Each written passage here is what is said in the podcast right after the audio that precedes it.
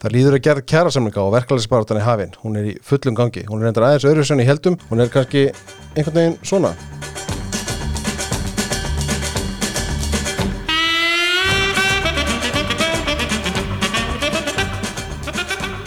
En til að ræða það, þá hefur fengið tíminn tvo mjög góða menn, samstagsfélagi mína á Morgablaðinu, Andris Magnússon og Stefán Annar Stefánsson. Við ætlum að ræða þetta og margt annað, kannski fyrir við aðeins í til útlanda líka í hinspolítikina, en er þetta ekki ákveðis svona byrjun á þætti?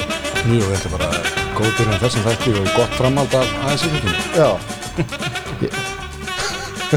Já, því var flesta nótabenni sko en það er ekki lokið Nei, nei, við verðum aðfram í apríl, Við við minnst þessa músík bara undir getur ver- verið með henni gangi bara með við spjóð bara svona, já, hafst hann bara svona hérna, fram í apríl.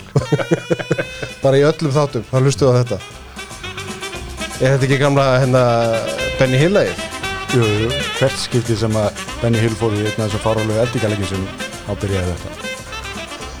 og ég menna, ég veit ekki hvort þið, eða hvernig þið fylgdist með þinginu en Fyrir ekki að Ragnar Þórir er hingið hérna í ferðast frambíðu fyrir að taka fram að Stefán er fyrirvandi formaður VFR þannig að hann er ímins að hagsmun að geta trúi en eh, nei, náttúrulega gamlega sleftu hérna, þetta var náttúrulega fáráleg affæra, það er búið að vera eh, þessi valda yfirtaka hún er búin að vera eitthvað líki í loftinu sko vikum og mánuðin saman Mhm. Eh, hún hefur átt sér margra ára aðdraðanda því að, að Emil Ragnar Þór Ingólfsson formaður var fer það, ég held að sé fjögur ár síðan að byrja að, að rauna yfir fórustu ASI með þeim hætti það var alveg ljóst að annarkort vildi hann ekki vera þar inni eða hann vildi taka völdin. Þá var Gilvi Albjörnsson formaður, eða þá? Jú, jú, og ég menna að þið munir nú hvernig var látið með hann uh, hann var rakirtur og, og smáður á, á alla lund og hérna, hún var ekki falið uh, það vald sem að fórstu ASI hefur lengst eða oftast haft í uh, samleikaverðan Uh,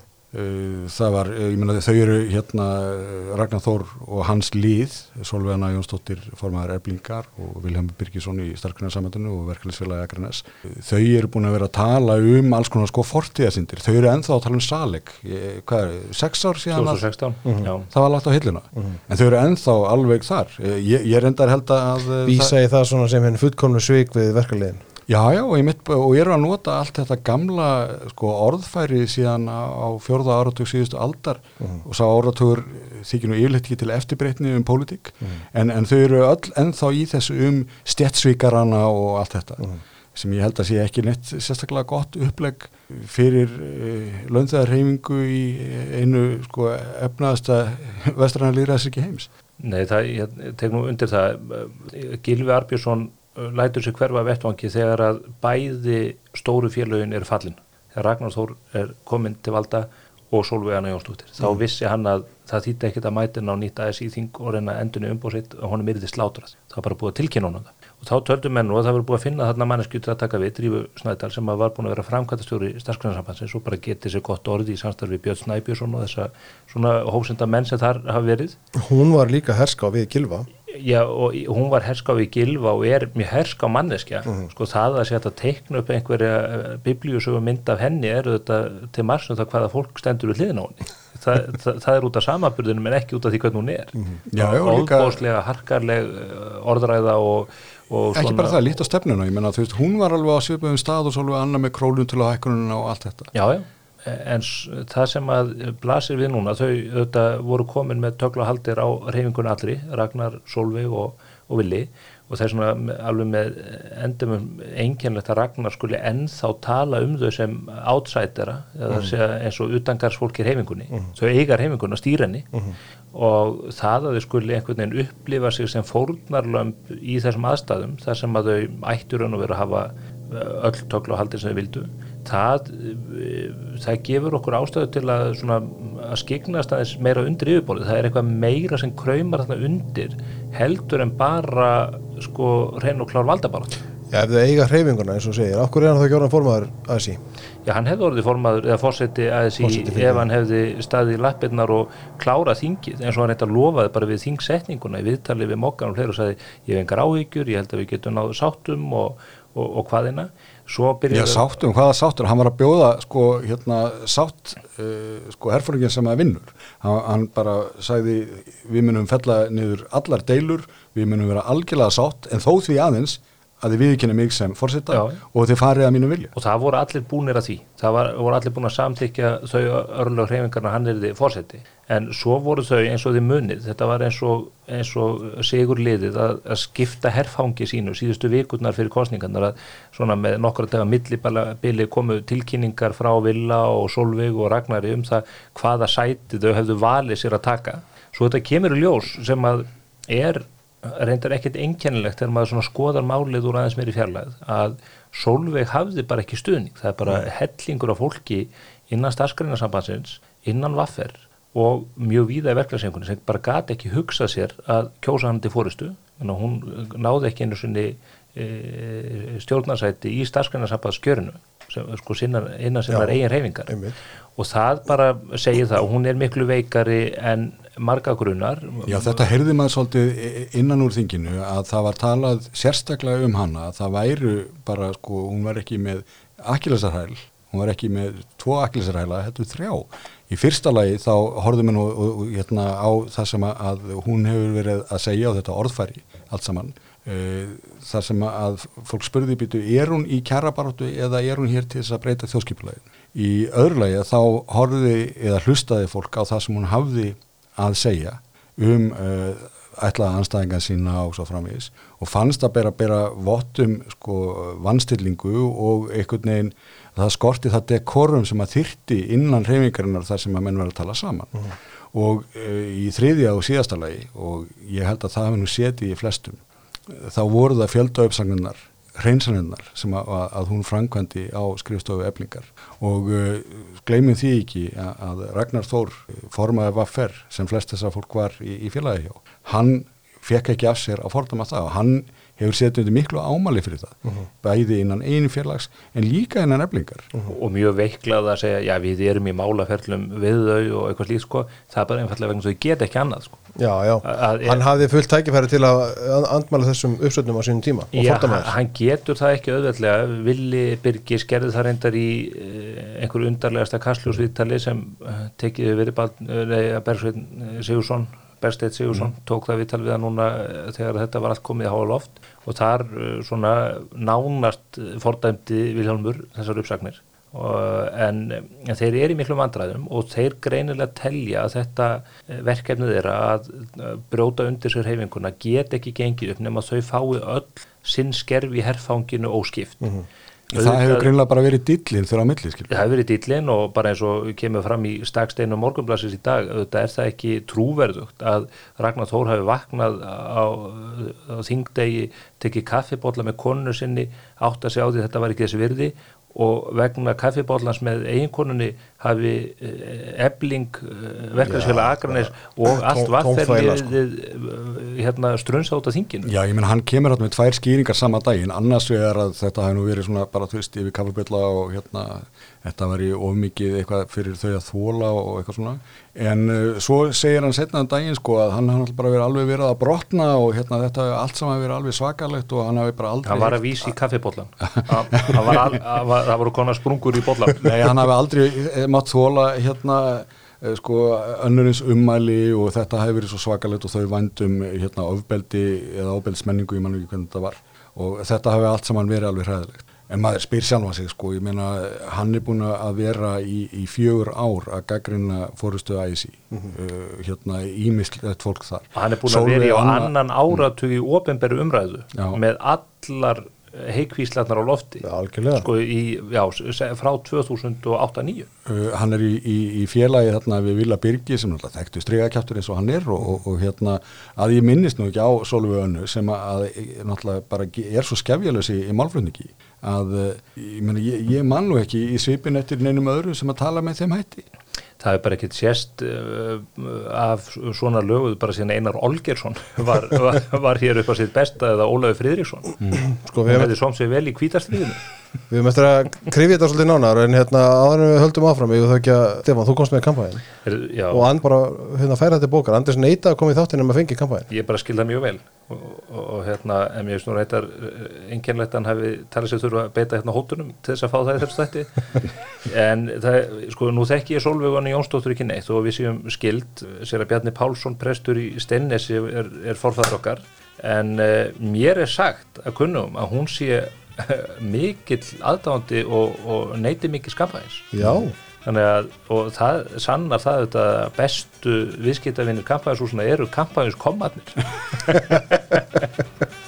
það bara hætti það það hefði ekki allt verið keift fyrir hennar eigin penning brjótum hérna þessu upp þáttinn. Hvað ert að bjóða upp á hér? Eh, við erum hér að, að drekka eitt eftirsóttasta kampæðin í heimi. Einu gallin við það er að það er ekki framleitt nema í miljón eintökum ári. Veiti Charles Heidsík, hundru minn já, svona dvergsnás er opáslega flottan. Og hann heiti Charles Heidsík og er þetta eru bara uh, þetta eru mögnu vín. Við höfum drukkið uh, held ég þetta vín eða hvort að við höfum drukkið blankt og blank uh, úr þessari smiðju áður hér í þættinum. Ákvæmlega fallegu litur á því. það fallegur svona eiginlega, já, gull, þetta er gullið. Já, svona smá raf.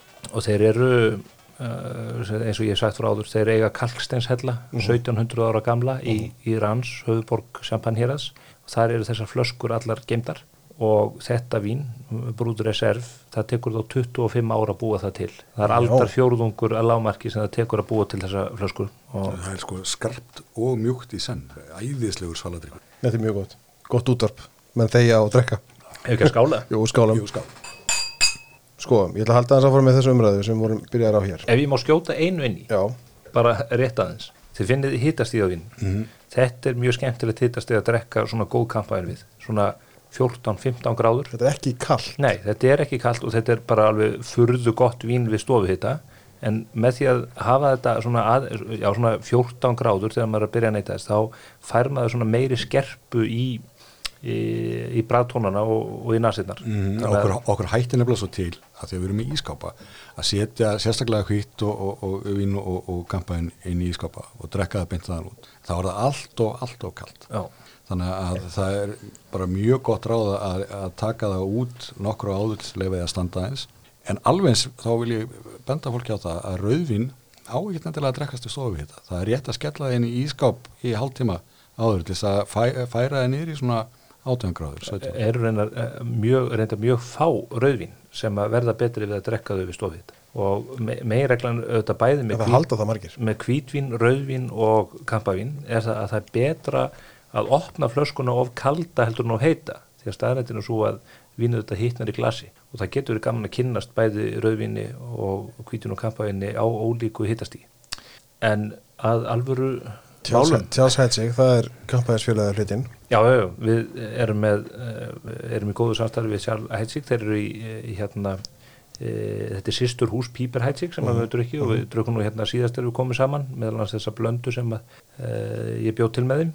Og þeir eiga líka hérna rómuðu rauðvinsgerð Biondi Santi e, í Montalcino í, á Ítalju og ég hefði komið með flösku af, af því góða víni ef Andris hefði ekki krafist þess að fá kampavín. Þannig að hann, að hann hafði það af þér gísli að, að drekka hér besta rauðvín eh, í ítalskar vínmenningar. Þá, þá verði ég nú bara að bæta fyrir brotmitt og, og, hérna, og leggja inn pöntun á, á tveimur flöskum af þessu kampæni sem að þið voru að láta að gera fyrir. Já, alveg rétt. Það, við, hérna, það er home delivery. Já, Herðu, höldum áfram, sko hérna, það er eitt sem að ég held að fólk átti sér illa á og það er þe- þegar kemur að þessu, þessu margtalaða þingi, margumrætta þingi að þau koma hann inn og eins og Andris sagði á hann þau, þau áttu rauninni bara að eiga þetta þing, þau áttu að hérna það, það, það ger, gerði þetta ráð fyrir því að þau myndu vinna þessar kostingar að Ragnar Þór er í fósiti og svo framvegis, ég þetta hefur komið ljós að Sólveigana hafði ekki þann stuðning sem að þurfti til Já að, að líkinu, það er sennilegsta skýringin. Já, það, já, ég segi það, það er sennast skýringin en það sem að fólk áttur sig ekki endur áverð það að þau tala þannig að þau hafi mætt þarna einhverjum rosalegum tröskuldum það að segja að þau hafi orðið fyrir einhverju haturs orðræðu og umræðu um sig og mætt mikill anstöðu af hálfu hverra? Já, það er e- einn aðarleikar í þessu máli öllu sem að einhvern tíma þarf að skrifa sögu sína og það er konan á baku liklaborðið, Halldóra Sveinsdóttir Já. eh, formaður Bárunar, Bárunar, sem skrifar að því að manni sýnist nokkuð meinlausan Facebook pistil Já, og segir ekkert sem hún hefur en ekki sagt áður sko. Nei, en því það, það er eina af skýringunum sem að Solveig þau hafa gefið fyrir, fyrir uppþóttinu að, að þess, þessi pistill hennar hafi fyllt mælin. En það er Halldóra sem að hefur opinskátt og umfram aðra tjáð sig um þessa ofbeldismenningu innan miðstjórnarinnar og ég reyndar, ég þekki margt fólk í þessari reyfingu, satt í miðstjórn á sínum tíma uh, fyrir hönd Vaffer og landsambars Vestlarmanna og það fólk sem ég hef talað við sem setur við þetta borð því hefur gjörsamlega ofbóðið framgangan gagvart mörgu fólki þarna ekki síst fórsetanum hún var eiginlega aðal fallbissu fóðrið á meðan og hún endist þarna við borðið.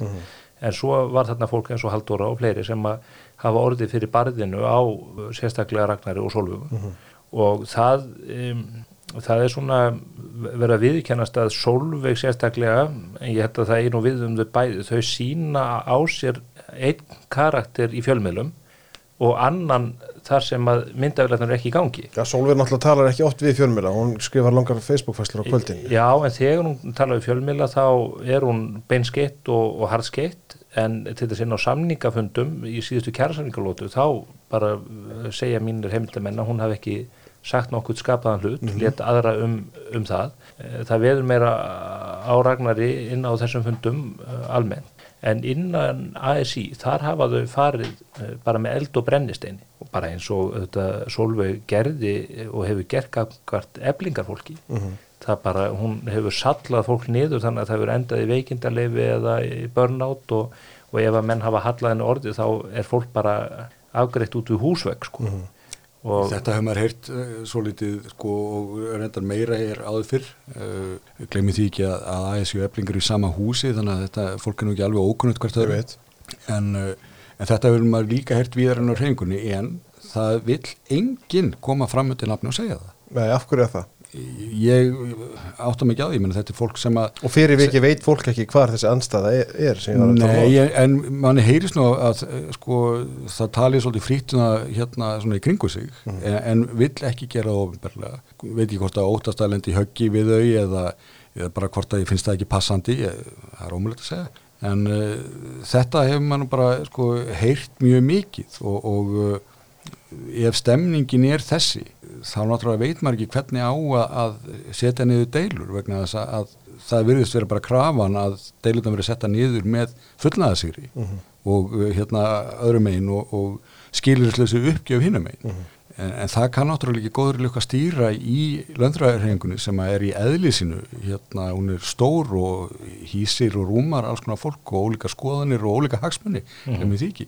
en minna, þessi félag hafa mjög ólíka hagsmunni Já, Já, já. það er vand, vandin hjá ASI núna er sá að svona checks and balances eh, er horfið út í viður og vind. Við þekkjum þetta bara úr stjórnkerfinu hjá okkur þetta er þetta sérstaklega þekkt varðandi svona temprun valdsins í bandarísku þjóðskipulagi þar sem fórsetting kemur ekki hlutum í gegnum með stuðningi þingsins og svo er hæsti réttu til þess að halda aftur að mönnum allt þetta. Og sama hefur verið upp á teningnum uh, innan alltíðsambandsins bara þannig ég skýri það í stuttu máli Já. þá hefur þetta verið þannig að eh, um það bil helmingur atkvæðavægisins, kannski ekki alveg hefur verið hjá landsambandi Vestlunumann og Vaffer og Vaffer reyndar á sig þá sögu að hafa verið með dómi dæmt inn í allsvíðsambandið komandi vildi ekki fá Vaffer þarna inn á sínum tíma. En uh, dómstólar hvaða um að, að uh, félagi skildi vera þarna inni. Og síðan uh, þau verið eiginlega Vaffer og rest. Meiri sér það Gilvi Arbjörnsson sem átti sér svona bakgrunn í Vaffer, skrifstofumadur og annað þeim túr, þá var hann eh, svona liðsmaður eblingar og starfsgreinarsambansins og rafinarsambansins og svona þessar fjölbreyttu reyfingar um, og, og auðvitað hafa, lálauna félögin svona dálítið mikið krúka sér saman eðlega út af samílum hagsmunum en svo hafa verið önnur félög sem hafa verið svona mitt á milli. Rafina sambandi, það er talsvert af svona millitekju á háluna fólki og, og líka VFM sko, vélstjór og málmtækni fólk og, og annað fólk sem að hefur bara verið uh, bara háluna fólk Já, og Vi- Vili Birgis, hann er, reyndar, er nú með nokkra hálunum en á sínustar Jú, jú, allmarga, ekki síst í, í, í hérna, já, bæ- bæði þetta tengda hérna sjáurútuinum en líka inn í, í vesmiðunum á grundathanga og þarna hafa menn tekist á ég man bara því ég var þarna leiti aðra fylkinguna í tvö ár uh, innan, innan sambandsins. Og þetta var þannig að ASI fekk svona nokkuð með að sprikla eins og þeir vildu og, og Gilvi fekk að vera með stórirði og, og Siggi Bessa og þessi kallar. En ef að vittlisann kerði algjörlegum þverbak þá gripu við inn í og það var bara í málum þegar Gilvi Arbjörnsson ætlaði ennþá sko eftir hrunið eh, eftir 2011 var hann að, að tróða okkur inn í Evrópusambandið þá niður fættu sagði heyrðu, það er engin samstæðan þetta við verðum að, verðum að leysa þetta einhvern veginn mm. utan reyfingarinnar þetta sko áfólk að þekkja úr alls konar félagastarfi að, að þar sem að eru svona breið samtök hérna bandalög og samband að þá þurfa að minna að stíga varlega til jarðar í alls konar málun til þess að saminast um það sem að saminar á en ekki að einfallega taka sambandið og koma í einhverju eina átt og láta meirulutan vinna með aðlefni. Vegna þess að það eru þarna ímis málefni sem eru sannlega bara sameinlegir hagsmunur okkar allra. Það er bara eins og aðkoman að lífeyrisjónum, aðkoman að uppbyggingu virk, starfsendurhefingarsjóðsinn sem er alveg magnað fyrirbæri sem hefur lift grettistæki hér á Íslandsku vinnumarka á síðust árum og þetta er all hluti sem er í hættu núna út af þessari upplaust.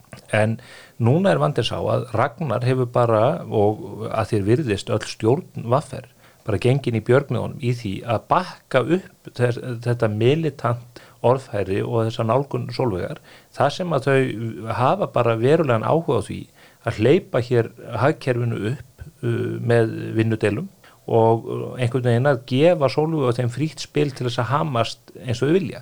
Þau auðvitað auðlast með því pólitíst afl uh, og, og áherin en en auðvitað hefur Ragnar á, á, á sama tíma og, og stjórn Vaffer ætti að vera búin að átta sig á því að þetta er mjög hættulegu leikur því að þau hafa til dæmis farið í verkvælsbóðun mm -hmm. og rétt marið uh, slíkar hérna mm -hmm. atkvæðakarislur og auðvitað er mjög stór hópur innan Vaffer bara uh, sóma fólk á svona millitekjum og, og herri sem að hafa engan áhuga á því að fara í þennan pólitíska skollarning. Mm -hmm. Það er það sem að maður er erfitt með átt að átta sig á í þessu öllu saman. Já sko, e, e ef ég má aðeins skjóta inn í, sko, ég held nefnilega að, að sko, þetta sem að Stefán segir að, að þessi fullkomlega rétt. Og uh, ég held að ef maður horfir á þetta bara kallt að þá er þetta óskinsanlegt hjá Ragnarður Þór uh, bara svona út frá hans eigin hagsmunum vegna þess að uh, lítun á hvernig þetta þing fór þar sem að draumar hans um að vera fórstið að þessi að, að hann hreinildi grunna að þér virðist vegna Já, hann lætur að hreinildi grunna þegar heldur trúnað við svona vönnu sko. Jú, jú, menna, og hann hérna virðist alltaf sko til að leggja alltaf veði í kringum það mm -hmm. þetta stóra félagsitt og, og hvaðana sem að, að maður áttast ekki alveg á hvernig hann ætla að gera. En, en uh, því að ég held að eins og Stefán nefnir að það eru margir hérna inni sem að ég eru bara ekki á þeirri línu. Og ég held að, að sko eins og nefndi að, að það spyrji margir sér þessara spurningar. Býtu, erðu allar að fara að taka félag okkur út á ASI bara út af þínum persónulega metnaði sem að uh, þú félstraunar sjálfur frá án þess að spyrja okkur eða eitt eða neitt, hvort þú ættir að fara fram eða hvort þú ættir að draða til baka og allt þetta. En gleymum ekki heldur hinnu að við erum í landi uh, þar sem að þáttaka í verkefælisfélögum er meiri en í nokkru byggðu bóli öðru þetta eru 92% er ekki eitthvað ég hérna meðan að það, Já, það eru, ég að sé jafnhátt hlutfall í Kína en þar er það reyndar þannig að Við skulum tala um vestræðar líðræðisriki hérna en minna, okay. þú veist, ja, okay. í Danmörk og Svíþjóð er þetta í hvað 64 Þú setur þessar umræðu allt of þröngar skorður Nei, ég menna í, í jafnvel, sko í skandinavísku löndunum eins og Danmörk og Svíþjóð, þar sem að verkefnisreifingin má sín mikils að þá er uh, hlutfallið 66% Danmarku 64% í, í Svíþjóði maður uh -huh. þannig að vinnumarkarinn hann er sko ofur seldur uh, valdi verkefælsreifingarnar en þess þá heldur tel ég að hún þurfi þá að stiga varlega allir jarðar. Og mig grunara eftir svona -huh. afferru að þá munir margir hugsa sig um að segja, heyrðu ögnablik, ég er hér í verkefælsfélagi og er ég að fá þetta út úr því, ég held ég væri hérna fyrir sumabústæði og, og gleru og líkansrættirki og, og lífrisjóð -huh en uh, allt í henni er þetta allt komið í háa loft og, og uh, það er ótryggt ástand í heiminum og hérna efnaðas ástandið er ótryggt og uh, hér er fólk Sósæliskri hugsunar bara til runni Já, hér er fólk að gera sér það leik mm. að hérna fara í einhverja svona æfingar. Þetta er, er mjög gott og nefnir þetta Andrés því að ég hef margótt held ég hér á þessum vettongi nefnt þetta með guðlust jættafélagin og það að, að, að verkefnisefingin muni býða þungt högg af þessu öllu og það er meðal vegna, annars vegna þess sem að við sáum gerast á hinnum uh, Norrlöndunum fyrir 15-20 árum. Það er að segja að þá komu fram þessi lágjaldar stjættarfélag sem var lögðu bara áherslu á tryggja grunnréttindi eins og í sjúkrasjóðu og annað mm -hmm. en uh, ákvað að vera ekki þáttakandur í þessu pólitísk argaðrassi og fólk á vinnumarkaði flyktist inn í þessi félög vegna þess að þeim akkurat miðspauð þið pólitíska vafstur stjættarfélagina. HK í Noregi og í Danmörku eru mjög nátengt uh, hérna e, sósíalistunum og vinstirflokkunum og eru bara inn undir þar það, það liggur við að formenn þessara félaga setið þingflósundi hjá sósíaldemokrátunum Alþjóðu sambandi á sínu tíma var eh, bara verkalýs armur alþjóðu Alveg rétt. Og, og, og, og þarna brotnar þetta upp á hinnu Norrlöndunum og ég held einhvern veginn að þegar að eh, hérna e, þegar almenningur horfir upp á þessa framkomu og það sem að þetta fóristu fólk sem að telur sig bært til þess að stýra mjög mikil sverðum hagsmun okkar og, og, og er síðan bara eins og eitthvað vittlesingahæl þetta er ekkert annað eins og þessi uppákoma. Spilaðu lagið aftur. Já, settu þetta aðeins inn. Vittlesingahælið Já, þetta verður veginn svona.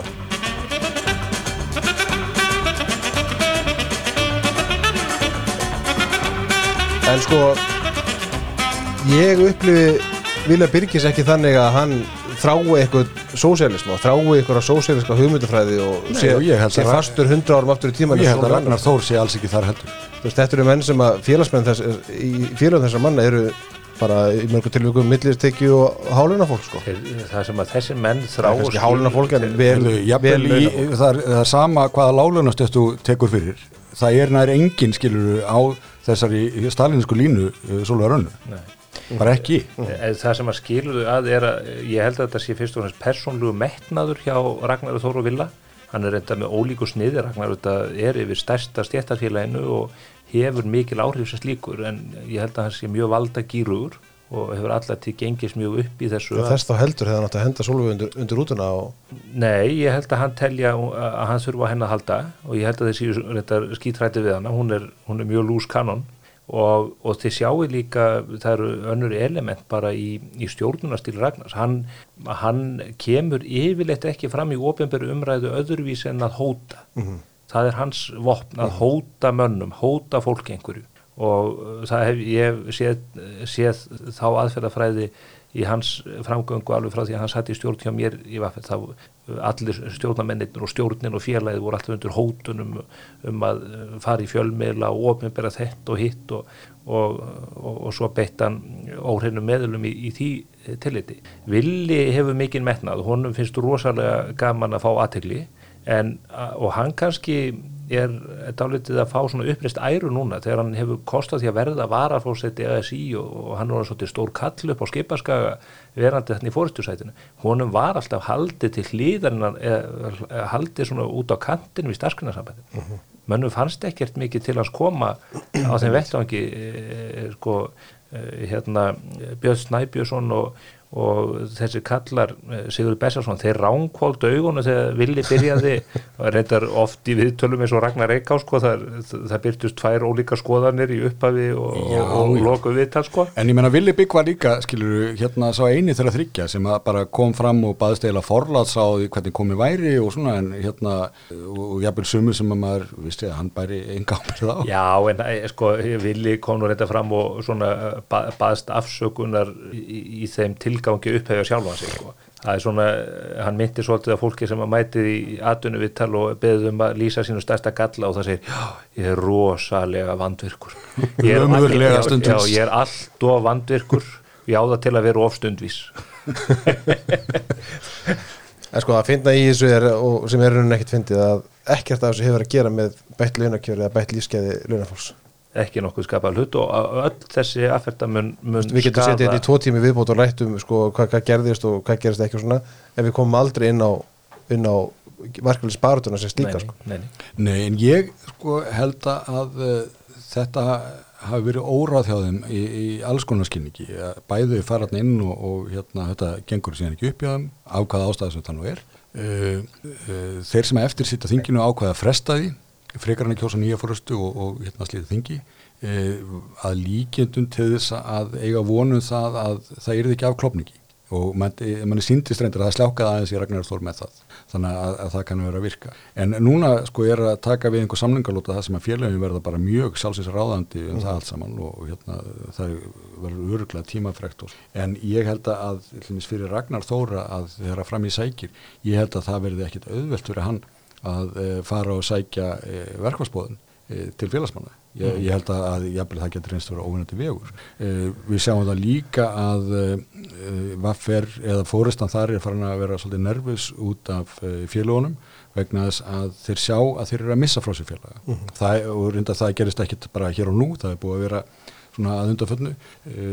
Það eru margir þar sem að, að og ég menna það kunna vera alltaf ástæði fyrir því að, að fólk hefur verið að leita í, í félaglíkirmanna í hérna BHM í, hvað heitir það, fræða fræðagarði og, og svo fræðis þannig að sko, sko háskólamendafólki er soldið að týna tölunarna og ég gerir ráð fyrir félag eh, líkir manna séða kannski meira stjórnendur og annað slikt en ef það er eitthvað að fjara þarna undan nógu mikið til þess að einstu koppar í búri vaffer uh, hafa ágjör af að uh, það hlýtur að þá að vera til marksum eitthvað. Og ég menna kannski að hann geti hert tökin við þau bíti, ég skal ekki segja en en það lítur að vera eitthvað fyrir þess að, að, að hugsa um.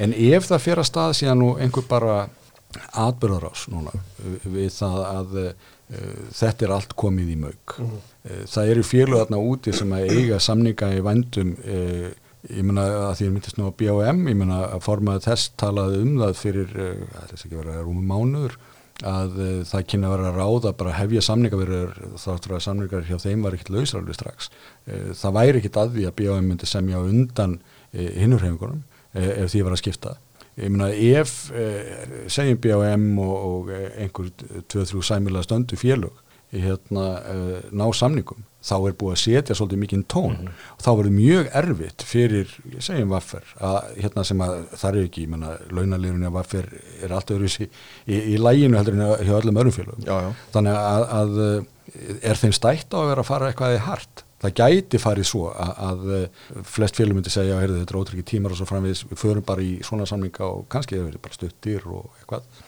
Og hvað, ætlar ebling einn þá að fara að búa hér til allsræðverkvals Ég, þau munu gera það reyndar. Ef þau geta skadað hækkerið Já, þau munu gera það Já, og, en og ska, skadað kapitalið. Þau eru þetta ekki með En ef þau verða eitt félag um það þá myndi ég nú ekki taka neitt veðmálum það að eh, slík verkefnsbóðin myndi fá að standa lengi án lagasending Já, en það er síðan ennur umræðar sem við þurftum að taka Er, er það? Mun, mun, heldur að ríkið muni, eða ríkistöndum muni nei, mæta því? Guðmundur Ingi, Guðbrandsson og, og Katrín Jakobsdóttir hafa ekki, ekki pólitíska börðu til þess held ég, allavega ég held að það fyrir mikið að ganga á Herra minnir, ég sko gleymið því ekki að út í Evrópu uh, er bara sko, eru lönd þar, stór lönd eins og Þískaland og Ítalja að dettin í greppu, Breitland geti hæglega silt á eftir, mann sínst að allt í tómu tjónu þar mm -hmm.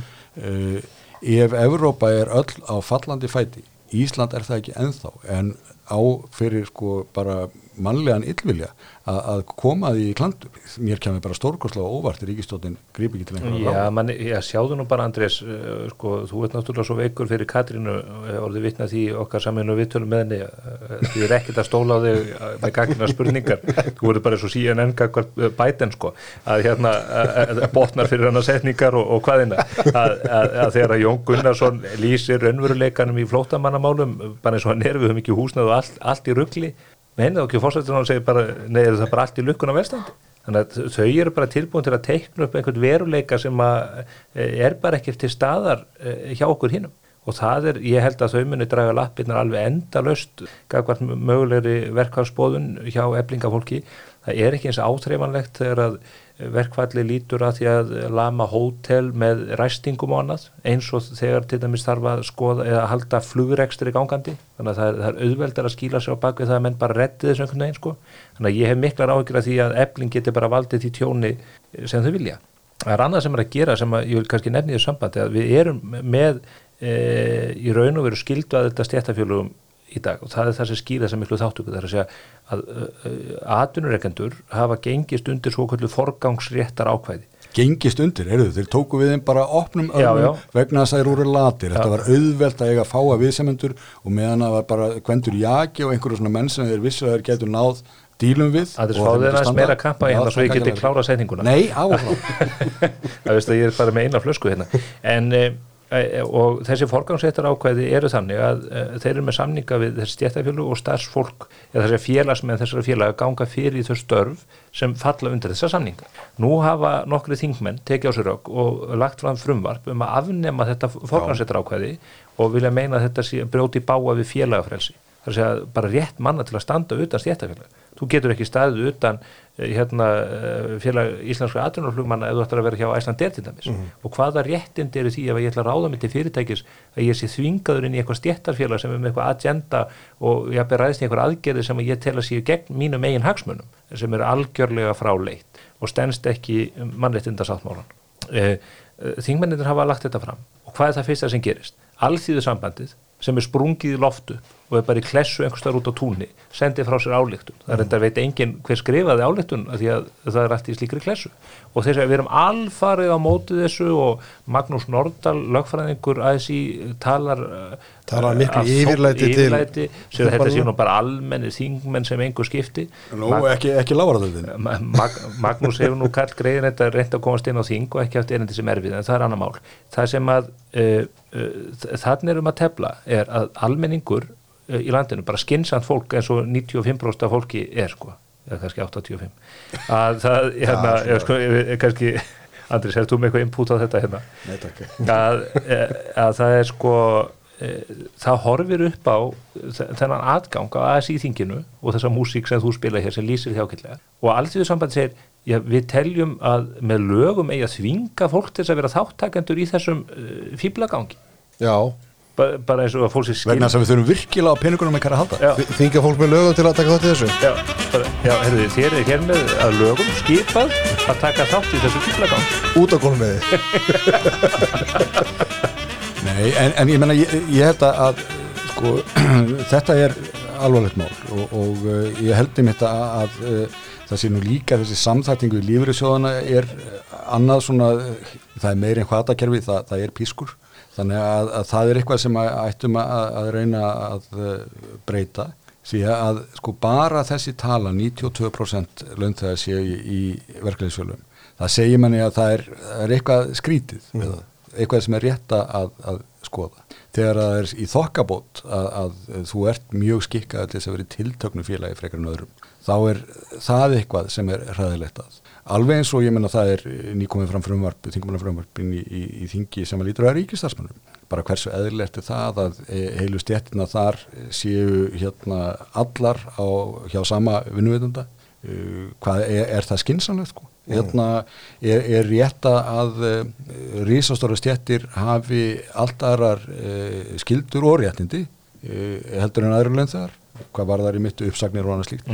Þannig að ég menna þessi vinnumarkasmál er kannski eitthvað sem að við þurfum að fara að ræða og ég er ekkit viss um það að sko verkefliðsreifingunni og e, samtökum aðunum geta sér best trestandi fyrir því. Því að ég menna þau komust hér endur fyrir löngu að einhverju samkómulagi um hvað væri sér þægilegast ég er ekkit vissum að það sé endilega þægilegast fyrir löndæðana Hvað á pólitíkinn þá að taka boltan eða? Já, ég, ég átta mikið á því sko, hverju séu líklegt þess að geta gert eitthvað í því en ég myndi segja já, það var ég að minnst að byrja að kasta boltanum upp þar. Samfélagi er auðvitað bara og hefur gjör breyst frá því að einmitt, þessi rammi var settur og, og á sínum tíma þegar þessi fólkansréttar ákvæði voru sett þá, þá var það vegna þess að menn töldu mikilvægt að, að verkfallsvopnið ætti að býta uh -huh.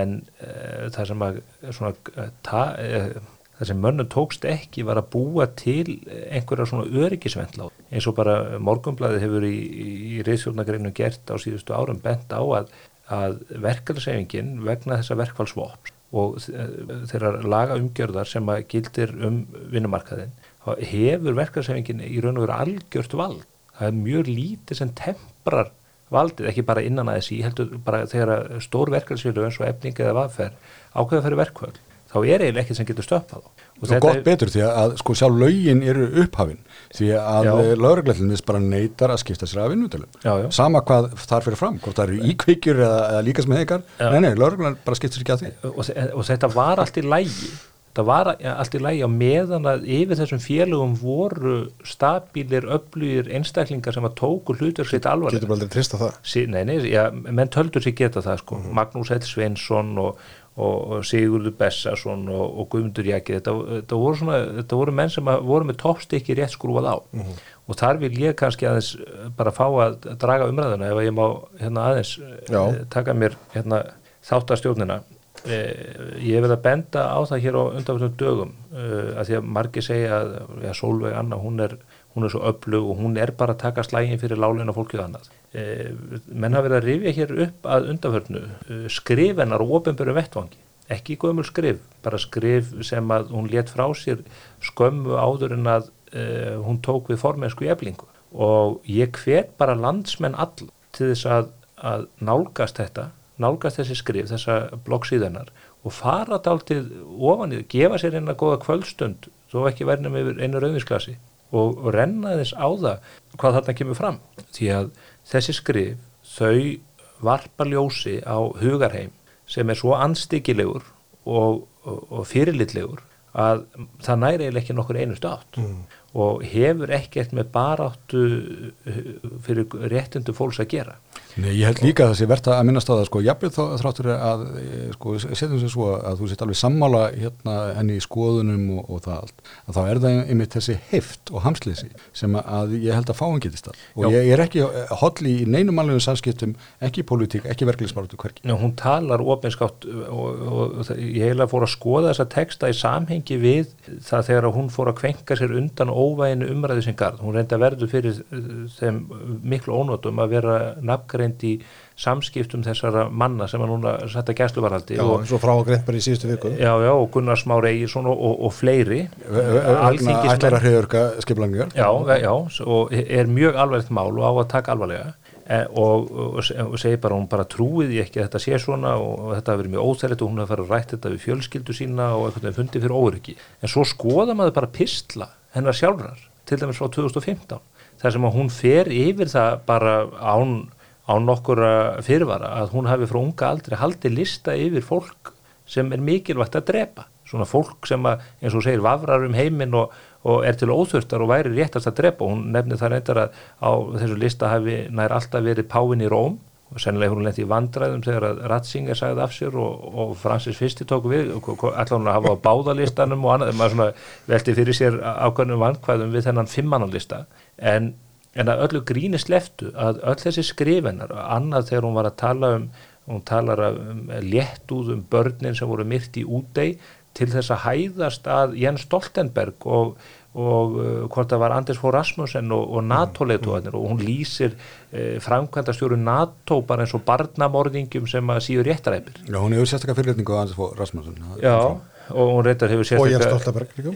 Jens Stoltenberg og hún reyndar sérstaklega fyrirlitning á þér gísli freyr í þessum pislum kem, kemur þú ge- gjarna fyrir já, og hérna Ég skil ekki, ég skil ekki að nokkur maður skulle hafa nokkuð Nei, við, eh, hérna kunnum henni mi- mikla þakki fyrir það við Andris að, að þú skulle vera þarna í skollínun en ekki við við þakkum fyrir það. En þetta eru hlutir En, en, en segðu mér eitt gísli, veistu okkur hérna, henni var svona feikla í nöfðu, var það út af bloggnu sem við helst úti, þú varst með hægri sveiflun á sinni tíma. Ég held að þetta að vera á sín tíma þegar ég var með hérna, þegar ég var að blogga, það er nokkuð 12-13 ár síðan cirka bót, já, já 10-12 ár síðan þá ég, ég var með bloggsíðu sem heit hvað, tíu tól, býtu varst þú bara svo Björn Bjarnason hérna- að, að blogga bara út í vindin það var hérna- engin á netun á þessu tíma Jú, jú, þetta var þegar blogg, blogg innreiðin átti sér stað sko og þá var hérna, hún var búsett í bandarækjanum og, hún og maðurinnar, að, aðalega maðurinnar þau, þau skrifuðu, þau voru með mig ekkert á heilunum skrifuðu mikið um allt sem ég allt, allt sem ég skrifaði og gagnum það mikið og mjög harkalega ofta tíðum. Sem er alltaf lægi, ég þóli það alveg og hefur þólið það alltaf þessa tíð sko en Já, en þú ert samt nefndur Gísli, í Já, já, samhengi við já, þennan að fólk sem er mikilvægt að drepa. Já, já. og hún og Gunnar Smári hafi mitt sagt að það sé svo hræðileg hvernig þau hafi verið demoniseruð í umræðunni og verið talað um þeir eins og fólk, óþurftar fólk. Og það hafi búið til plattform fyrir einhverja uh, veika menn til þess að búa sér til hugmyndur um að drepa þau. En þau eru statt og stöðut Ragnar Þór líka búin að tala svona um tiltekna menn tiltekna starfstjéttir, tiltekna hagsmunni að það hefur mjög auðveldlega getað uh, orðið uh, gróðrastöð fyrir svona hattursklæpi Já, ég held að þetta hafi svolítið að gera með það sem Andris nefndi áðan að það, eh, sko, ég ætla ekki að fara umræðan alveg aftur á ASI þingi en, en Andris nefndi áðan að Af Fólk- að draga hér tissjú, ertu uh, að tárast yfir Nei, þessu? ég bara svitna yfir þessu umræðu hérna. Nei, ég er að þurka hérna einhverja kampænstrópa sem er að leika hérna á borðið undir þessu tala okkar af verkaliðin en hérna, sko, Andri sagði á þann að fólk þóru ekki að koma fram undir nafni og gaggrina ofnbyrlega og það er að hluta til út af þessu vantarlega, af því að fólk nennir ekki að lendi í hakkavilni, fólk nennir ekki að lendi í Gunnari Smára, í Solvi Önnu í einhverjum, einhverjum aðlum sem að fylgja þeim á samfélagsmiðlum og taka til varna fyrir þau með, með bara mjög miklum fúkjörðum og látum. Þú veist, fólk sem er að taka þetta í félagastarfi og í þessu tilviki í verkefnistarfi það, það er ekkert að nenn- nenna þessu sko. Já, leið mér þá að vera Þú með eitt og það er ástæð fyrir því að þau eru ekki að henda sér út í þess, þennan, þennan bara fórapitt, Já, ég skal taka orðið sem var leitað Ég skal taka Skál. enn eitt tekið á þetta sem er það, ég meni ég held að, að það við ekki það flestir að, að upp á bankarhunni að þá breyttist eitthvað í, í þessu íslenska samfélagslími og í óperu umræðu. Mhm. og uh, það var allt í hennu nánast digð að sko missa sig í óperla og, og hrópa hátt. Og uh, maður skildi það um hríð að hérna mönnum væri mikið niðri fyrir. En uh, því miður það, þessi nýja umræðu hefð, hún gróf svolítið um sig og hjælt áfram og, og og það er ennþá liðið svolítið í uh, umræðu dagsins og í einhverjum hérna, fæslum á, á Facebook og svo framvegis að fólk taki mjög hrauslega til orða og, og miklu skefilisi og, og eiri engu. Ég er ekki vissum að, að uh, það sé holdt eða gott. Uh, ég held að, að þegar að menn temja sér þýlikt hérna, orðfæri, þegar að, að menn uh, en e, taki ekki lengur þátt í sko rökræðu við ákveðin fólk heldur bara hellir sér yfir það e, þegar að, að e, þetta snýst orðið um það að menn eigi sér ekki anstæðinga heldur óvinni e, og sem að eru þá einmitt demoniseraður og útmálaður sem bara eitthvað sem að sé svo hárrétt- handan alls að, að e, það er bara eigi helst ekki að trífast og burt af landinu ef ekki betur.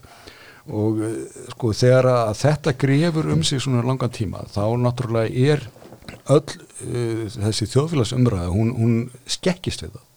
Og hún verður ekki holl og, og ég held að fyrir fólki sem að, að temi sér þetta að því liði ekki betur heldur hvað þá þeir sem að, að það er að tala um en þegar að þetta gengur í, í ár, ára jafnvel, það sem að, að það er sífæltur að segja ykkur frá því að hérna uh, hann er ekki bara pólitískur anstæðingum en þessi uh, deli þarna heldur hann er óalandi, óferjandi glæpamaður uh, spiltur og svona hins einn og, hérna, og þetta gengur fram og tilbaka og ég tekka fram að ég menna þetta hefur komið upp í fólki í fleinin einum flokki og utanflokka og hvað já, já, bara hluta þjóðfærsumræðin í dag. En þegar þetta á sér stað svona lengi, eh, ég held að þetta hafi ekki áhrif á flest fólk nema þá sem að taka svona til máls eða verða eh, fyrir því. Ég held að flest vennilegt fólk að það, eh, já, kannski yftar sem er aukslum. Rekkur tilbaka. Já, já, rekkur tilbaka, eða reyna að láta fram þessu fara eða fyrir að hugsa að þetta fólk sem er að atast í þessu, þetta er nú ljóta ástættið. En það er líka fólk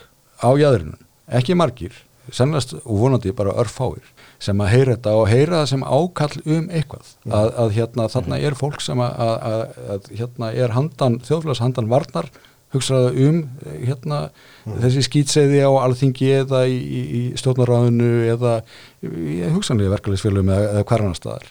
Og það verður einhvern veginn allt leifilegt að, að eh, ég meina það eru ég held þessi ekki ljóttur upp neitt leindamál en ég meina ráðrar hér eh, í öllum flokkum hafa fengið dauða hóttinur af allsynstægi menn hafa verið að tala um skotar og sér á, á skrifstofu stjórnmálaflokka sem að, að, að eh, hafa ástu stað hérna. Fæstaði hefur farið hátt vegna þess að menn vilja síður tala um það.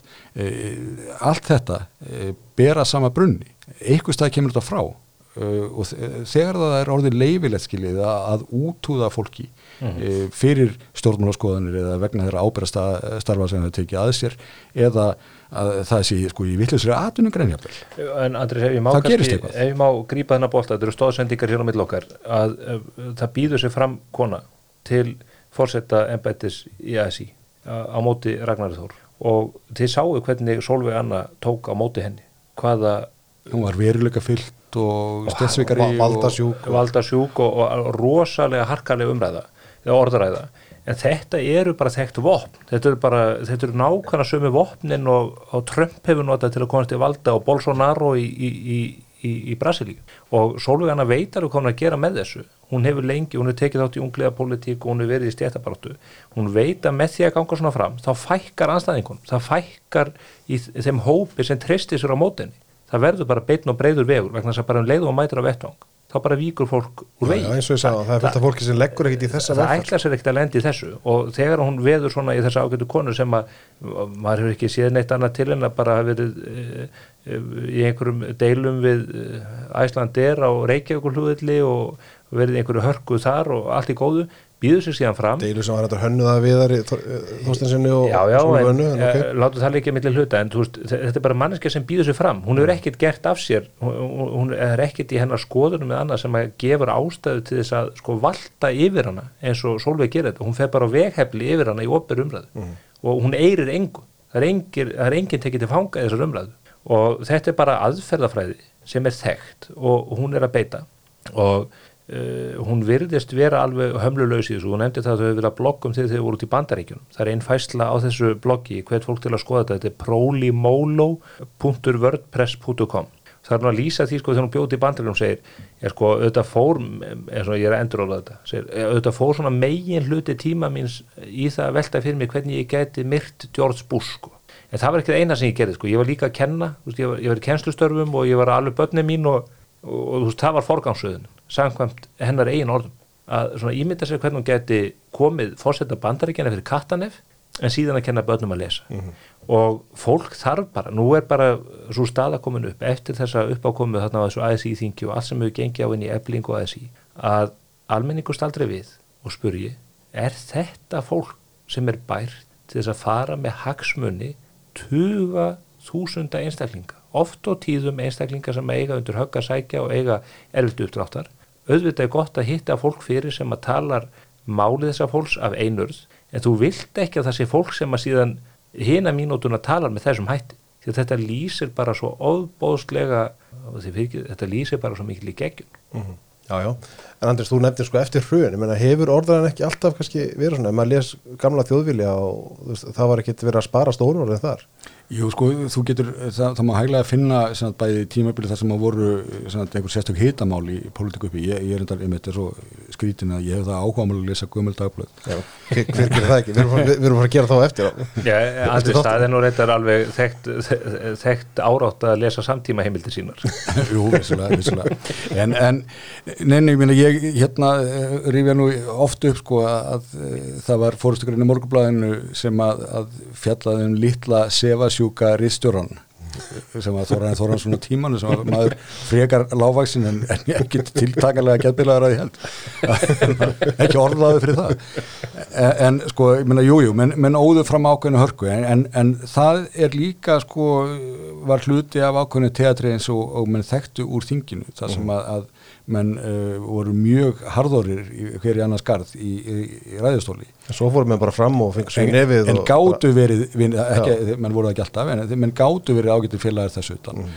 og ég menna það gerðist líka þegar í Harpagan slóa að menn síndu hverja öðrum stundum eh, bara mikið vinnabræði Mm. í einhverjum erfileikum persónulegum eða hvernig það var Eh, ég held að menn hafi átt að segja á því að þú veist, enginn annars bróður í leik en hérna utan vallanins að þá þurfa menn að, að hérna, vera betri manneskjur.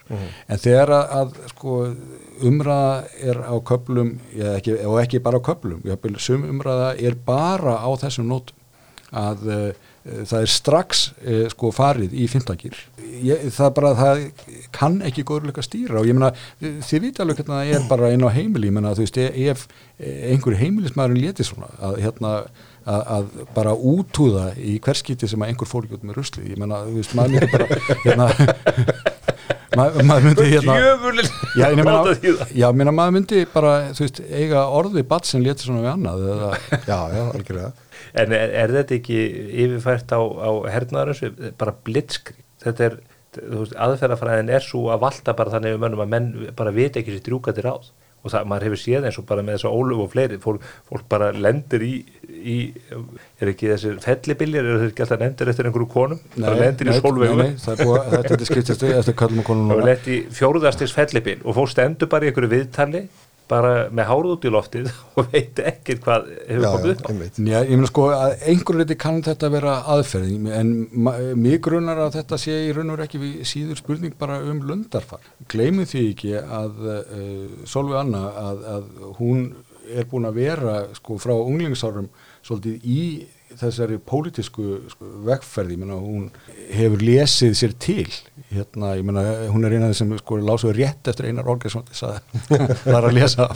Hérna, nei, nei, greinlegust að, að hún er búin að vera lengi sagt, í þessum sko afskaplaða vinstri gýr mm -hmm. uh, ég meina, ég þekki fólk sem að gerði þetta í sama og, og koma af, af sveipuðum stöðum en svo í flestum tilugum þá heldist það nú af þeim að fullornaðist og hérna þeirra geta endilega hægt að vera vinstrimenn en, en er ekki í þessu sama orðfæri og þessari sömu hörku og það séu bara annars vegar sko, eh, stjettsvíkarar eh, á meðalokkar eða óvinnirnir, kapitalistinir eða þeir sem eru sko langverstir, mm. kratarnir, svíkararnir eh, þetta heyrir maður ekkit hjá mörgum orði í dag Já, þú sagði að menn þetta gera greina með óvinnum og anstæðingum sko. Já, Já ég, auðvitað hefur þetta gengið svona á með svona svona í bylgjum svona þetta, þessi kvassa umræðu og ég held að það sé alveg rétt sem að, að Andri segir að þetta er, þetta er mikið tengt við einstakling og hversu svona hömluleysir þeir eru í, í framgangu sinu, hversu harkaði vilja ganga fram. Gunnar Smári er þetta daldið svona Uh, hann er svona guðfæðir þessar umræðudaldið. Ég minni á stórkostlegar bókmentir bestastæðabækurnar sem eru falsaða dagbækur Ólars Ragnar Skrimssonar sem að Gunnar Smári skrifaði og átti að vera set, dagbækur Óla sem að lekið hefði verið út af fórsettarskristónum á fyrstu hundra dögum að sé ennbætt og þetta er byrsi vikulegir dálkar já og svo byrt í bókum og, og stuðnismenn Ólas fóru á milli bókarsafna og letu þessar bækur hverfa. Það er mennur enna greiða sektir af, af vanskilum vegna þessara bókar. Brjálaðislega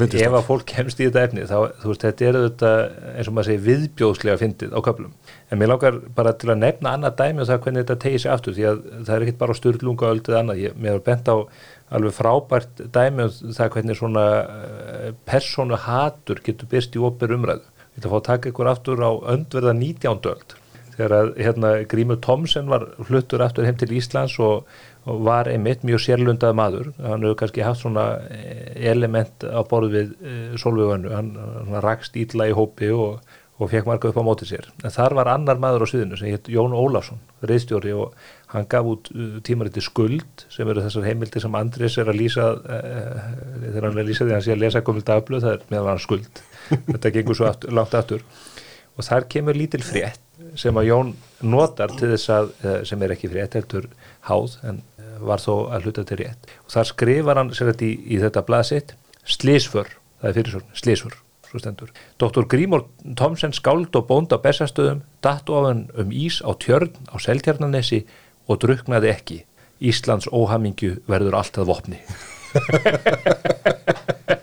og, og ég verð ég ætla bara að byðla til Solveig Rönnu frengum minna með það að það væri þetta miklu skemmtilegra ef hún væri í þessum árásum á fólk að hún myndi gera þetta á þessum klass þetta er þetta svona á að ráðast á menn. Já, og vera að fyndin í leðinni já, já, já, já. Hún, Það er ekki mörgur sem texta Það er eh, reynda sameilu frænd okkar sem er mjög fyndin maður okkar sólugar, við eigum þennan sameilega forföðu sér að Bjarnar Pálsson í Stennisi frábær maður. Og það er Stefan Pálsson uh, sagfræðingur og varaborgarfjöldröfi Já, með meiru, já, og líkilmaður í vinstri hengunni grænum frambóði Já, og húsfélagsformaður í Eskilíð Já, já. og fókbaltarspjökland Já, allt þetta og, og, og meira til. Já, já. Þeir, og hvernig hafið þið hist á ættamóti, þið, þið þrjúið það? Nei, við erum öll á lífi. Það liggur ekki svarði ögum uppi. Já, ég get, ég get alveg fullirt að að, að að þau hafa meiri fyrirlitning á mér en ég á þeim. Já. ég hef nú mjög gaman af, af frænda mínum þó að hann hafi óþól fyrir eh, mínum pólitísku skoðunum. Og að mörguleiti hefur maður auðvitað gaman af, af solvu önnu en, en maður, það er svona trublar mann að, að þessi ofbóslu ofstopa gen skuli finnast í okkar ætt.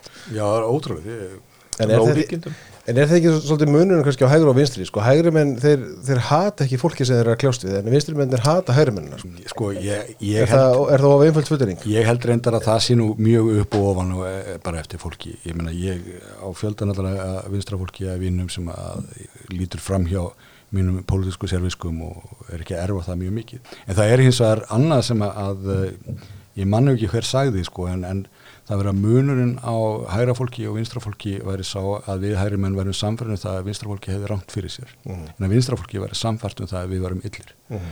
og uh, þetta hef, tel ég mig hafa séð uh, all oft að uh, fólk svona stað þess að hugsa málinn til enda það bara gengur út frá einhverju svona að hérna að hægri menn fyrst að þeir hérna vilja ekki sko dæla óperum fjármunum út í allt þá hljótir að vera svona bara mikið í, í hérna nöp við fátat fólk eða eitthvað slíkt Eh, þetta er náttúrulega grunnhyggni en þegar að hún er komin í einhverja slíkar pólitíska skotgræfira þá er kannski erfitt við þegar Mhm.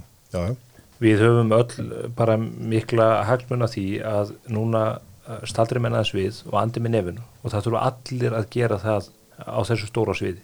Stjórnvöld, Sælabankin, hérna, verkefælsefingin, atvinnureikandur, all, það þurfa allir núna að leggja eitthvað í púkið virkilega til þess að, að koma okkur uh, fyrir vind. Það eru miklu stormar uh, við strendur Íslands frá Breitlandi, Bandaríkjónum, Skandinavi út um allt loga eldar, ekki bara tengdir uh, þessu stríði Úkrænu heldur eftir kostunum af henni miklu peningaprentun út af COVID og við getum komast í gegnum þetta vegna þess að við búum við miklar auðlindir og mikla atvinnu þáttöku og félagsauð sem að reyndar á grundvöldsinn í því að allir geta unnið og ég trúi því bara ekki að fólk, hvað sem það heitir Solveig Anna eða Haldur Benjamin eða nokkur annar, sé með fókus á nokkru öðru en því að leggja í púkið þetta borð einhverja lausnir sem geta gert okkur uh, öll stolt að því að hafa komið okkur í gegnum þetta. Já. Það lítur að því að staðnendinu svo, hvað sem menn vilja gera í verkefælisbaratunni, þá verðum við öll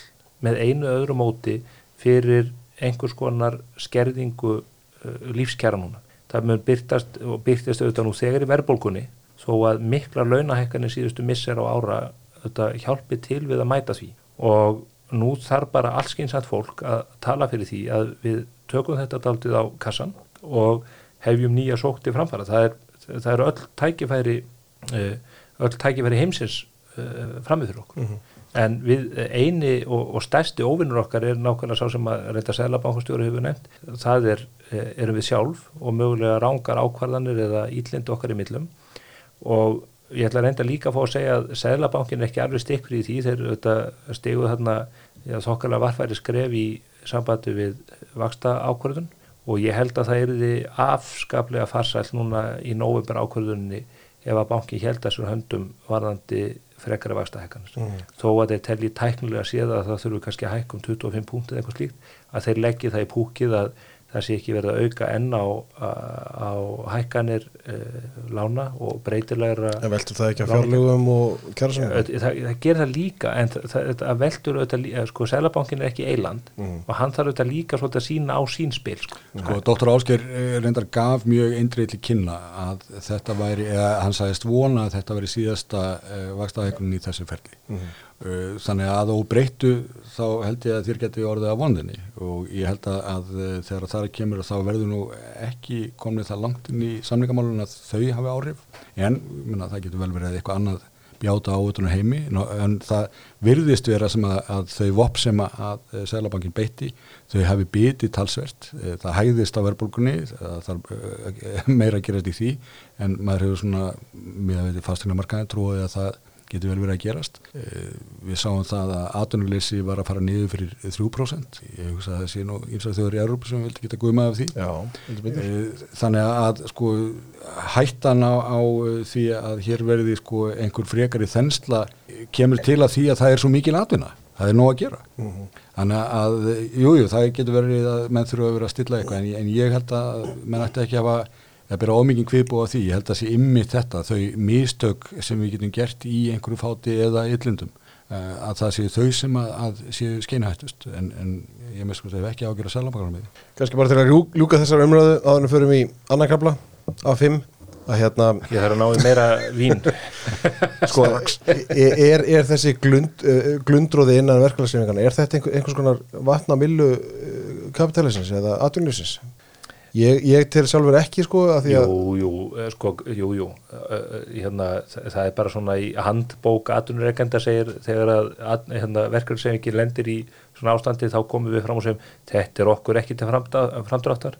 En staðrendin auðvitað svo að, að sundruð verkefniseyfing er, er miklu það er miklu betra að finna leiðir eh, til þess að, að sigra debattið við samningaborðið ef að, ef að verkefniseyfingin er sundruð heldur en þegar hún kemur algjörlega samennuð að borðið Já, en staðan er kannski svolítið núna að, að atvinnureikandur standa fram fyrir því að sko annarkort ná að sam, semja við veika verklagsvörstu eða hér kér allt um kott sko.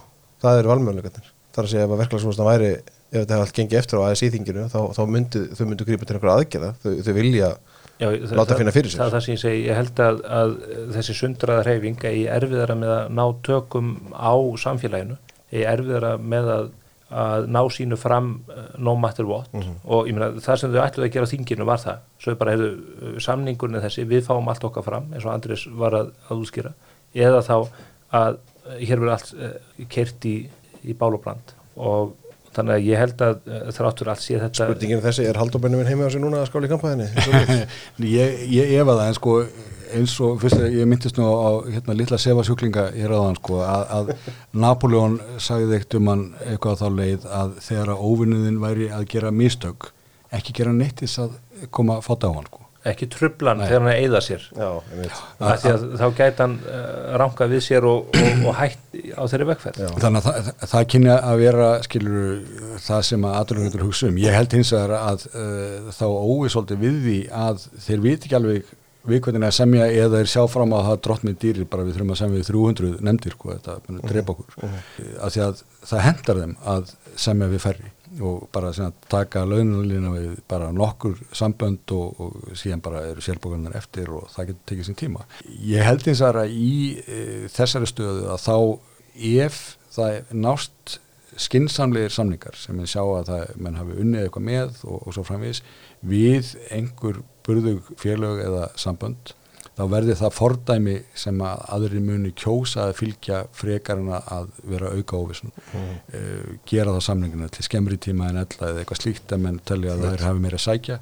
Vegna þess að ég hygg að ef verkefliðsfólkjar eru að tala við félaga sína, tala við umbjóðan þá heyrir alveg þann ugg sem að er á flestum heimilunum. Um það bara hvernig mun okkur ganga að borga af fastinglunum eða uh, verðbókarnir farin að trubla okkur. matinn og bensín Já, og- já. En, það, en það er ekkit bara einhvað fólk út í bæ ég veit að fyrir víst að trún, innan trúnaðaráðs vaffer sem er svona í raun og veru aðsta valdið að milli aðalfunda þar eru menn í opinskári umræðu inn á Facebook annað um hvað sé í gangi hjá þessu fórstufólki þannig að eh, þetta er, eru bara margir uggandi, það er fullt af fólki sem er búið að kveikja perunum það hver staðan í raun og veru er í, í samfélaginu og hagkerfinu og fólk ætlar ekkit hér að fara að fylgja mönnum bara út í fenin til, til þess að missa vinnuna og að fyrirtæki ráðust í fjöldaupsagnir og allt í volni. Ég hef bara út í óvissuna vegna að, að sko ef það er e eitthvað sem að ætti að vera eitur í allra beinum og ég trúi að sé, þá er það óvissan að, að sko bara frekar að hafa vissu um hvað þetta verður erfitt heldur en einhverja fullkona óvissun og þetta getur allt saman fara illa Já, tala ekki um sjálfskipa, sjálfskipaða óvissu sko. algjörlega.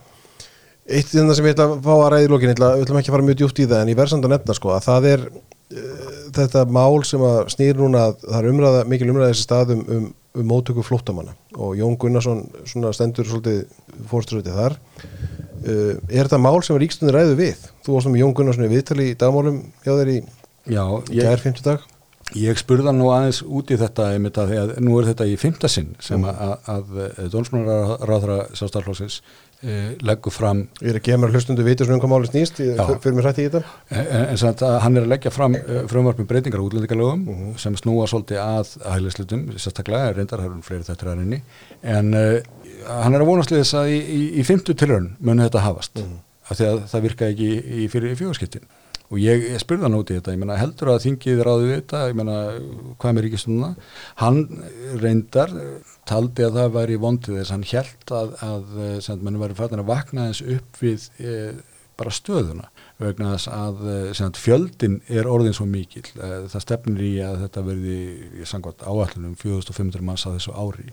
Það er bara ámóta eins og sko fæðist í landinu ári. Hérna, að, að, að þetta hefur afleggingar þetta hefur greiðlega kostnaði fyrir með sér við bara sjálfa móttökuna og, og, og uh, það ferli allt saman. En kannski þó ekki síðu það að við erum komin í döðans vandræði við það að uh, sko, geta bara búið um fólkið að það, kemur fólkingað uh, og það leitar hælis. Svo getur við delt um það hérna hvort að þetta séu allt fólk sem er raun og veru hérna er í brári hættu eða ekki, það er önnu dagskrá. En uh, bara með að vera að prósessera hérna þetta fólk, hvað er ákomaði fyrir og hvað, hvað þjónustu á að veita og svo framvegis? Já, en ég meina, sko, bara þetta með húsnæðið er orðið meiri hátta mál. Við förum nú ekki einu sinni þær leiðir sem að, að eru á senginsvæðinu sangvært reglum, sko, að þetta eigi að vera í sérstökum mótökum miðstöðum og mm. sem eigi að vera afstúkar og þannig að það sé alveg ljóst hver, um hverju sé að ræða og allt þetta. E, við erum freka fljótið mitt að bara móka þeim út í, í hérna, þau úrræði sem við höfum En það er allt saman þrótið, ég meina þau hús sem að voru hérna notu undir þetta er kólsprungin, eh, alveg þannig að sko það er bara orðið brunamál og esju hvað eru margir inn í sumum húsunum, um, það er hvað síðan gerist næst, uh, ef það er fólki sem að síðan er, er hérna fær sinnjun vegna þess að það er bara sagt nei að eigi ekki vera hér á þessum fórsöndum, að hvað gerist þá?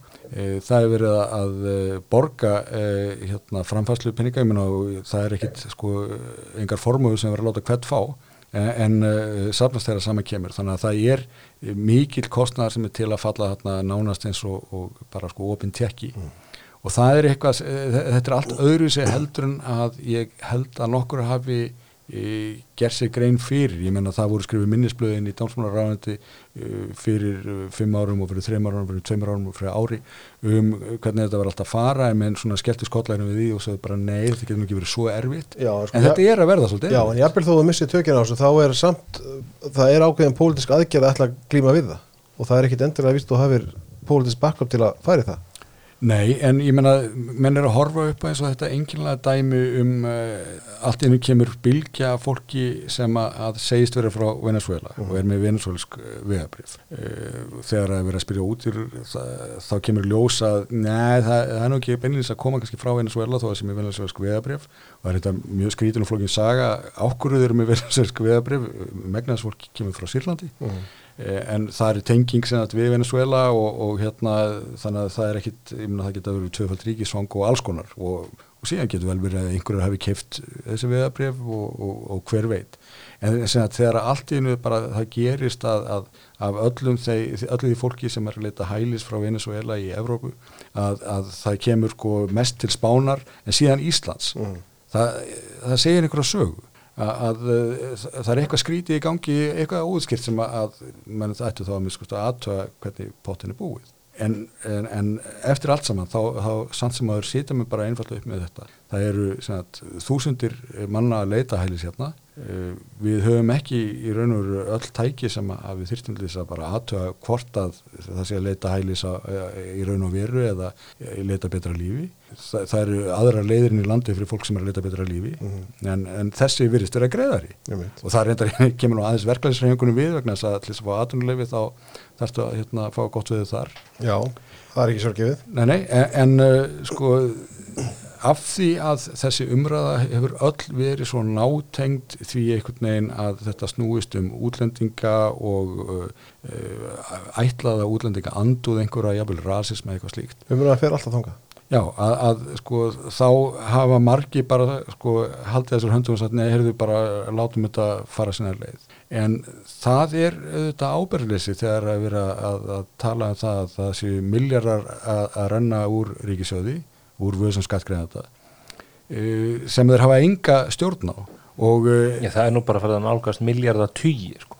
Já, og ef þú, ef þú ert sko á þeirri línu að segja heyrðbyttu við verðum að sína mannúðu, við verðum að taka mútið fólki sem er að koma frá bákstundur löndum, hvort sem er að koma beint úr, uh, frá styrjaldasvæðum eins og Sýrlandi eða er að koma frá uh, þrótarí, þrótaríkjum eins og Líbíu uh, e eða bara fátöngum löndum uh -huh. að gott og vel. Það er hægt að hafa þá afstöðu við eigum að, gera það.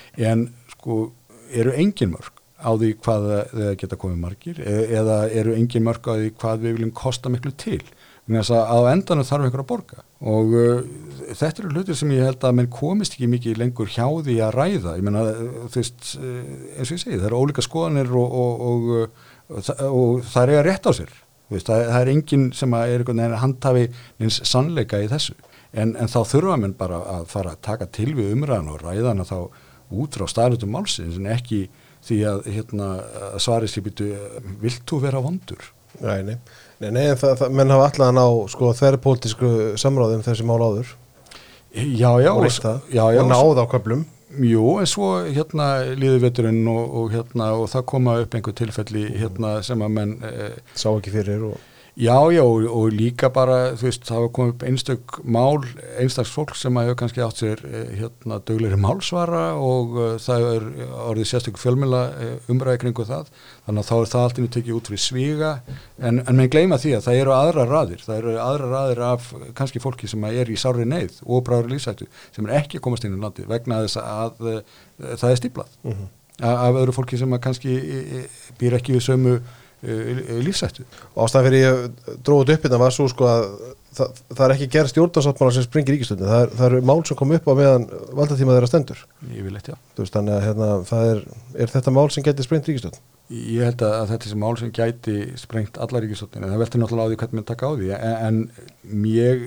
Nei, sko, vinstu græni munu bara borga þetta og þeir mun ekki samþykja neina breytingar og, Katrín lítur á Jón Gunnarsson sem leimdökk hérna ráð þeirra, hann, hann mun sitja tímabundið og hún getur aðeitt hann eins og þau reynda að lefa sér að gera við Bjarn á aðra samráð þeirra, ólíkt því sem að Bjarn á þeim myndi líðast. Og Bjarni lætur það yfir sig ganga, sem þetta er ömurlegt. Og, og við munum bara súpa að segja þess og hér verður allt í klessu. Við erum svo lítið hagkerfi og lítið samfélag að að uh, það að taka ekki að þessum vandamun líka hafa verulega íþingjandi áhrif á húsnæðismarkaðin og Sæðlabankin þarf jáfnvel að skoða vaksta ákvarðanir sínar í ljósið þess hversu ítla við förum út úr þessu? Já, ég meina það er bara þegar byrjað að hafa verulega áhrif en ég ætla þó að nefna það að mér finnst ég heyra aðeins öðru í þessi politísk hljóð og þá er ég ekki að tala sérstaklega um vinstri græn, ég hérna, bara heldur fleiri flokka þar sem er að átta sér betur sem þetta áði í hvílíka ofni komið en hluti af því sem að hefur áhrif á það umræðu er það að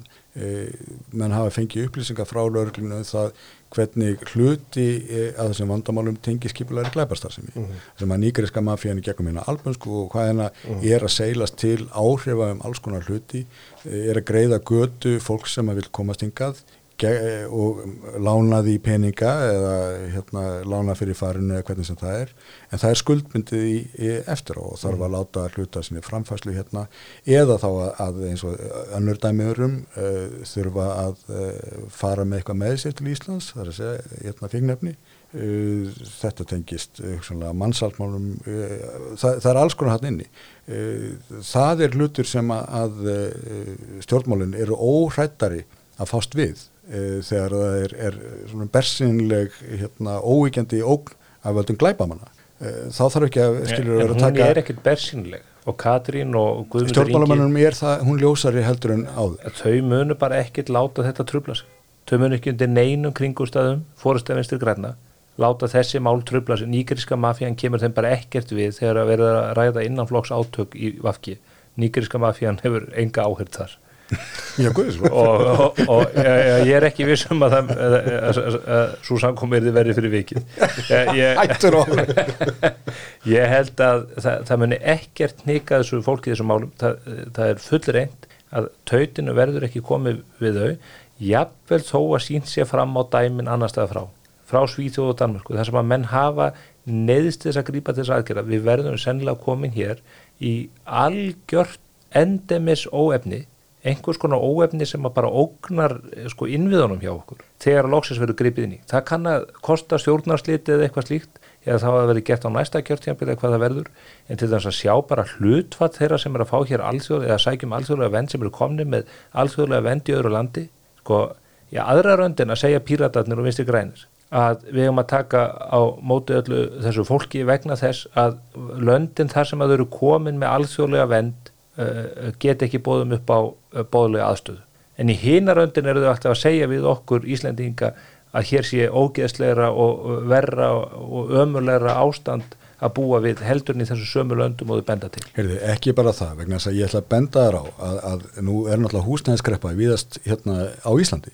Það er bara mjög erfitt að komast yfir húsnæði.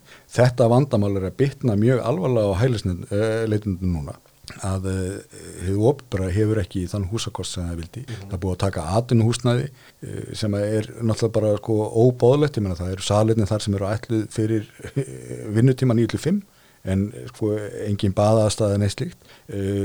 Menn eru að ræða í alvöru hvort það er að fara að taka ævintraborgir Dagsby Eggerssonar hérna til fyrirmyndar og að reysa sem sagt gámabeyðir.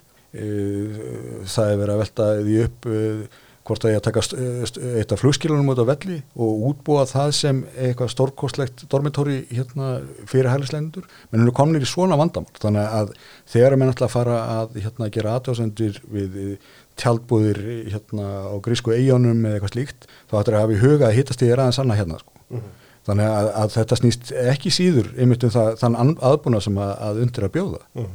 og þarna bara erum en eiginlega að verða sko rathróta Já, en þetta fólk hefur verið kosið til þess að ráða þessum málum, þau munu halda ítla á þessu, Jón Gunnarsson mun sannlega ekki ná sínu fram og það mun valda okkur og þeim sem eins og Andris nefnir þurfa í alvörun á þessari neðarastu að halda miklum búsífum, okkur fjárháslegum og því fólki já, kannski kostar það bara þetta fólk lífið.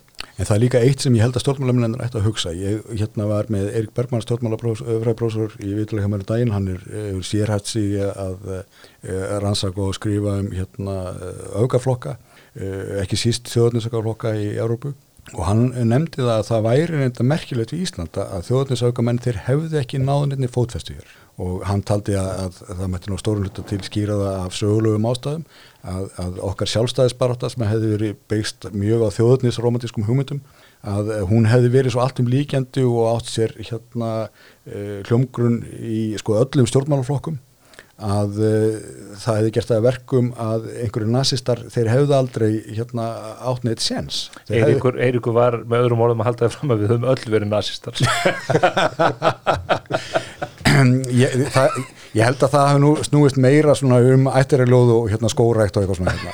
En, en uh, sko, við sáum það eins og var á Norðurlöndum að ég menna, jú, í Svíþó var svona latent nazismi til en, en það átti ekki, það átti ekki hérna við í, í Damörku mhm. -huh. en við sjáum hvernig þetta hefur að breyta svo litið á undarföndum árum þar sem að danski þjóðaflokkurinn eh, náði hérna mikill í, eða miklum sko árangri í kostningum eh, kannski ekki beinlins hérna, nazískur flokkur en daðraði vel skonar hluti. Eh, Svíþjóðdemokratin er náttúrulega bara sko, handan einhverjar hluta. Eh, og, og hafa alveg sko gengist við bara enginleiri fortíðsinni uh mhm. -huh. eh, en ætla menna útiloka það? Menna, við, við höfum tekið á, á móti um 30.000 eh, manns á undanfjörnum eh, einum hálfum áratug. Það hefur gengið mjög vandraði lítið fyrir sig. Þetta er bara vinnufúst fólk sem hefur komið inn og ég held að við auðga samfélagi bæði í peningum og, og, og í, í einu handlega uh -huh. uh, þurfum meira.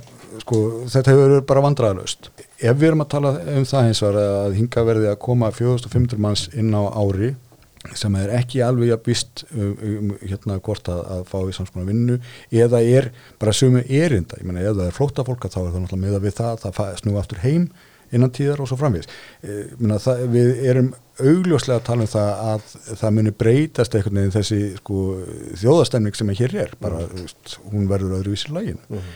það getur líka haft verulega efnaðslega áhrif. E, það er sérstaklega ymmit í þessum stjættum sem að, að það sem að launin eru lægst. E, ef minn alltaf takast á við það, gott og vel. En vilja minn útloka það að einhverjir fandar hérna fara hvíslega eruður um það að hérna, þessi sinu aðeins og brútun og, og hinn með hérna, aðeins og vinkilega tróbrúð ég, ég treysti mér ekki til þess að, Nei, það. það er bara alveg hálfrið Ég er að spáði að fara að hleypa ykkur út í, í fyrstaskvöldið, ég ætla ekki að, hérna, að ég spila lagi aftur sem við vorum Já, með byrjun Hvernig væri það? Hvað er þetta, er, er einhver skemmtistæður sem að býður upp á að maður ekki dansa við þetta í kvöld? Eða það maður bara gera heima á sér?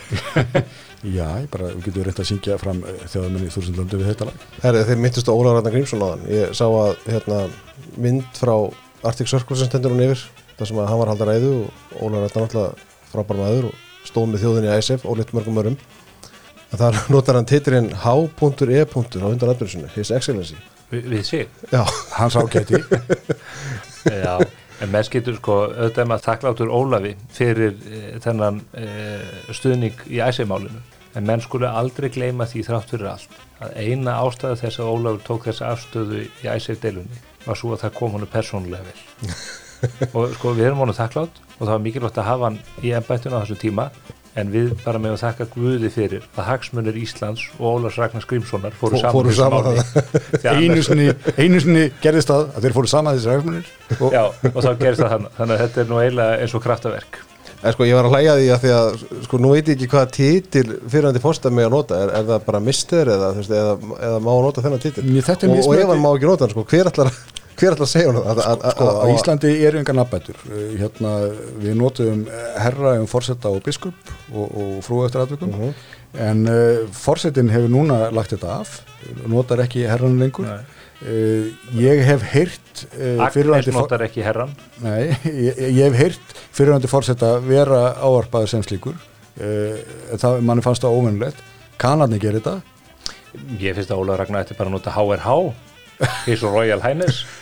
En, en það er auðvitað líka mér, ég saknaði svolítið þegar menn risu sætum þegar fórsetin gekk í, í saln mér fannst það, ég var svolítið svag Er fyrir það því hættu það? Já, ég held að það sé alveg hægt, þú veist, mér finnst það bara, þetta er þjóðhöfingin og, og, og það er embættið, ég, er, og, og sko, ég vil að menn rísi úr sætum þegar fórsetin gengur í, í salin og, þú veist, það sé flaggað, þú veist, við þjóðhöfingin setur og annað, en það þarf að koma í gegn lögum sem að afnema þetta að við séum að flagga við opinbera byggingar og að það sé opinber fánadagur að flagga sér ammælistegi fórsetans. Það er náttúrulega svolítið enginlega Já, við hefum að flagga fyrir embættinu, það hefur ekkert með það að gera hvenar Guðni TH eða Ólafur Ragnar eða Vigdís eða þetta fólk var fætt, Nei, það- ekki neitt. Nei, og það er náttúrulega líkillin við embætta þessum toga, það sem að uh, konungar eru einhvern veginn uh, þjóða líka með nótt þetta, að það er kórunan skipti máli, ekki sá sem að bera hana.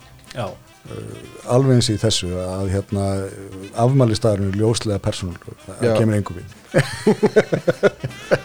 Hörru, drengir, takk fyrir komuna